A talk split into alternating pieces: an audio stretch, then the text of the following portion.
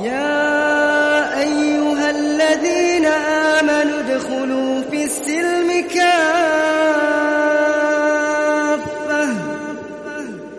ادخلوا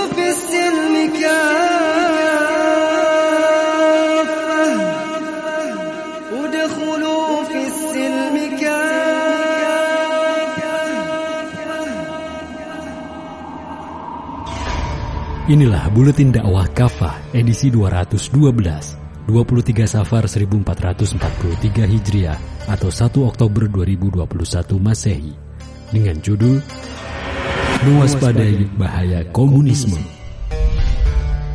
Setiap bulan September kaum muslim di negeri ini selalu diingatkan dengan tragedi pemberontakan Partai Komunis Indonesia atau PKI pada tahun 1965.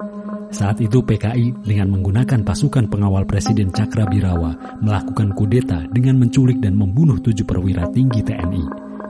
Peristiwa yang terjadi pada bulan itu hanyalah rangkaian dari gerakan makar kelompok komunis di tanah air.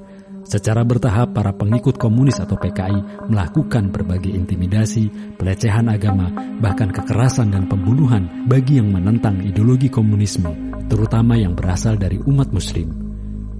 Ribuan muslim khususnya santri dan kiai diculik dan dibunuh secara keji. Karena itu kaum muslim harus selalu mewaspadai penyebaran ideologi sesat ini, apalagi belakangan muncul keinginan segelintir orang yang ingin menghidupkan lagi paham tersebut. Komunisme tidak mati. Sebuah ideologi tidaklah punah dari muka bumi selama masih ada penganutnya. Begitu pula dengan komunisme. PKI memang telah dibubarkan dan dinyatakan sebagai partai terlarang. Komunisme sebagai ideologi juga sudah dilarang. Namun simbol-simbolnya sering dijumpai di masyarakat. Berbagai pertemuan dan kajian seputar komunisme juga terus berlangsung. Malah ada seorang anggota DPR yang orang tuanya anggota PKI secara terbuka membuat buku berjudul Aku Bangga Menjadi Anak PKI. Mereka juga melakukan sejumlah langkah agar komunisme dan PKI bisa kembali eksis di tanah air. Pertama dengan memutarbalikkan sejarah. Para pendukung komunisme paham bahwa umat muslim di tanah air trauma dengan kekejaman PKI. Untuk itulah mereka melakukan upaya memutarbalikkan sejarah. Sering mereka menyatakan bahwa mereka justru korban, bukan pelaku pemberontakan. Mereka juga mengklaim banyak anggota dan simpatisan PKI yang dibunuh oleh aparat maupun oleh umat muslim. Pada 2016, di Jakarta diselenggarakan simposium kerukunan nasional yang diselenggarakan Lemhanas. Dihadiri oleh sebagian besar ex-PKI dan para pendukungnya. Mereka menyuarakan bahwa PKI tidak bersalah. Mereka menuntut pemerintah Republik Indonesia untuk meminta maaf melakukan rehabilitasi dan memberikan kompensasi kepada anggota PKI yang menjadi korban pada tahun 1965. Tindakan ini menutupi fakta kalau PKI telah melakukan pembunuhan secara sistematis terhadap siapa saja yang dianggap musuh, terutama umat Islam. Pada tahun 1948, di bawah pimpinan Muso, Amir Syafruddin dan DN Aidit, PKI melancarkan serangan terhadap umat muslim Pondok-pondok pesantren seperti pesantren Takeran dan Gontor diserang dan dirusak. Kitab Al-Quran dirobek dan diinjak. Kitab-kitab kuning juga turut dimusnahkan. Ribuan warga, terutama kiai dan santri, aparat keamanan dan aparat pemerintah dieksekusi dengan cara keji. Jasad mereka dibuang ke berbagai tempat, termasuk ke dalam sumur-sumur dalam keadaan sudah rusak. Kedua, berupaya mencabut TAP MPRS nomor 25 garis miring MPRS garis miring 1966 yang melarang keberadaan PKI dan paham komunisme. Berkali-kali sejumlah kalangan mendesak pencabutan tersebut dengan alasan rekonsiliasi nasional, maka negara harus mengayomi semua pihak termasuk para penganut ideologi komunisme. Ketiga, menyerang Islam dan para ulama lurus. Sejak ideologi komunisme berdiri, permusuhan dan kebencian diarahkan pada Islam dan kaum muslim. Tokoh-tokoh pendiri komunis seperti Lenin ataupun Stalin menampakkan permusuhannya terhadap agama. Usai revolusi Bolshevik, Lenin dan Stalin membunuh jutaan muslim termasuk imam masjid dan ulama di seluruh wilayah kekuasaan mereka. Masjid-masjid dan madrasah ditutup, ada juga yang dijadikan kandang babi oleh pemerintah komunis. Pengajaran agama Islam sudah jelas dilarang. Di tanah air, pada masa Orde Lama atau Orla, kebencian PKI dan para pendukungnya terhadap umat Islam dan ormas-ormasnya ditampakkan dengan menghina ajaran Islam seperti membuat pentas seni dengan judul Matine Gusti Allah dan Gusti Allah Mantu. Tokoh-tokoh PKI juga menghasut pemerintah Orde Lama untuk membubarkan Partai Islam Masyumi dan menangkapi tokoh-tokohnya. Sejumlah ulama dan tokoh Islam seperti Buya Hamka, M. Natsir, dan Kiai Haji Soleh Iskandar dipenjara tanpa pengadilan. Selain mengalami penyiksaan di dalam penjara, keluarga mereka juga dimiskinkan atas perintah rezim Orde Lama. Kini, berbagai serangan dan hinaan terhadap ajaran Islam kembali marak. Penghinaan terhadap bendera tauhid, cacian terhadap para santri penghafal Quran, tuduhan terhadap Islam sebagai agama ke Arab-Araban, sebutan kadrun atau kadal gurun, menentang penerapan syariah Islam, memusuhi hukum jihad dan kewajiban khilafah, dan tragisnya, tak sedikit kaum muslim yang ikut-ikutan menyerang agama mereka sendiri. Dalilnya adalah membela tanah air dari ajaran asing yang tidak sesuai dengan budaya bangsa. Kecemasan umat juga bertambah dengan berkali-kali terjadi serangan terhadap para mubalih dan ustadz di tanah air. Serangan terhadap ulama, mubalih, dan tokoh Islam kini terulang terjadi. Semua pelakunya dinyatakan sakit jiwa. Apakah serangan ini adalah kebetulan belaka? Sementara seorang tokoh intelijen, Suripto, mengatakan orang gila bisa digerakkan untuk melakukan operasi penyerangan. Kembali pada Islam. Dengan menelusuri sejarah, kita akan melihat bahwa menguatnya komunisme di tanah air disebabkan oleh dua hal.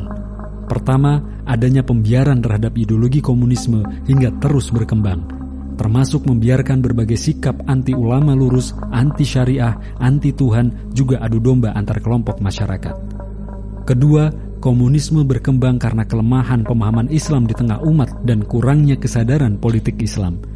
Tidak sedikit muslim yang menganut ideologi komunisme dan memperjuangkannya tanpa tahu kebatilan dan kesesatannya. Komunisme adalah ideologi batil, sesat dan bertentangan dengan ajaran Islam, baik dengan akidah maupun syariatnya.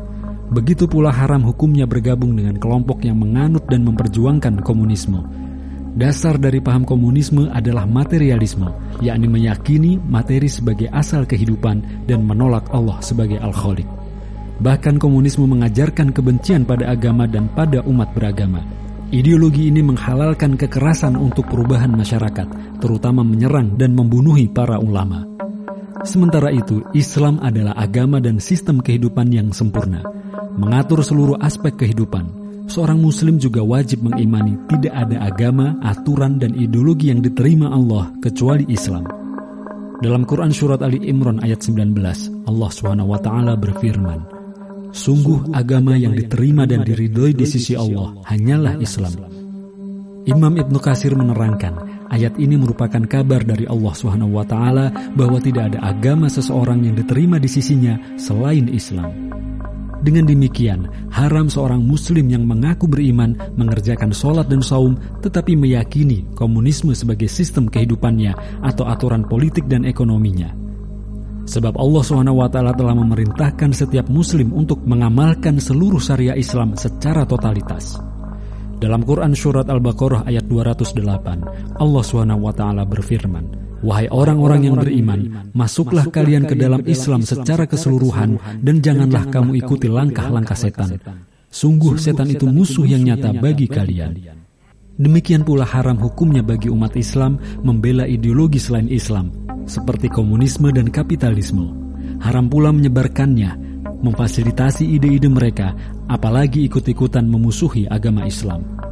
Dalam Quran surat Al-Mujadilah ayat 22, Allah Subhanahu wa taala mengingatkan, kamu tak akan mendapati kaum yang beriman pada Allah dan hari kiamat saling berkasih sayang dengan orang-orang yang menentang Allah dan Rasulnya. Sekalipun orang-orang itu bapak-bapak atau anak-anak atau saudara-saudara ataupun keluarga mereka. Selain komunisme, sesungguhnya umat juga sedang terancam oleh ideologi kapitalisme yang sedang mencengkram negeri ini. Kapitalisme liberalisme melalui para pengusungnya secara sistematik telah menguasai kekayaan alam kita. Negeri ini juga dijajah lewat utang luar negeri. Dan pada saat yang sama, kehidupan sosial umat dihancurkan dengan budaya liberalisme seperti perzinahan, LGBT, dan lain-lain. Wahai kaum muslimin, sadarlah bahwa berbagai keburukan yang menimpa umat pada hari ini disebabkan umat telah menjauh dari Islam, merasa cukup dengan ibadah dan akhlak semata, tapi enggan berislam secara kafah. Inilah pangkal kerusakan umat yang sebenarnya. Padahal Allah berfirman dalam Quran Surat Al-An'am ayat 153, dan sungguh inilah jalanku yang lurus, maka ikutilah. Jangan kamu ikuti jalan-jalan yang lain yang akan mencerai berikan kamu dari jalannya. Demikianlah dia memerintahkan kepadamu agar kamu bertakwa. Karenanya, bila umat ingin selamat dari ancaman komunisme juga kapitalisme liberalisme, kembalilah pada Islam kafah. Islam harus kembali diterapkan dan dijadikan sistem kehidupan hanya Islamlah satu-satunya sistem kehidupan yang mulia dan diterima Allah Subhanahu wa taala. Wallahu a'lam bishawab.